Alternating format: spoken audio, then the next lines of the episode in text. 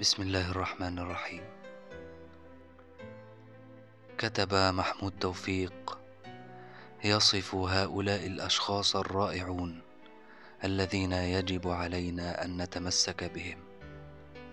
كتب يقول أن يبقى أحدهم معك للأبد جنبا إلى جنب ما بين أمواج الحياة والرضا والخصام خير لك من أن يحملك أحدهم على كتفه قليلا ثم يلقي بك جانبا ويمضي في طريقه.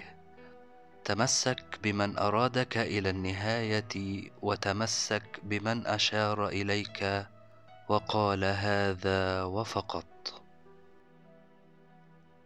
تقبلوا تحياتي وألقاكم في صوتيات قادمة.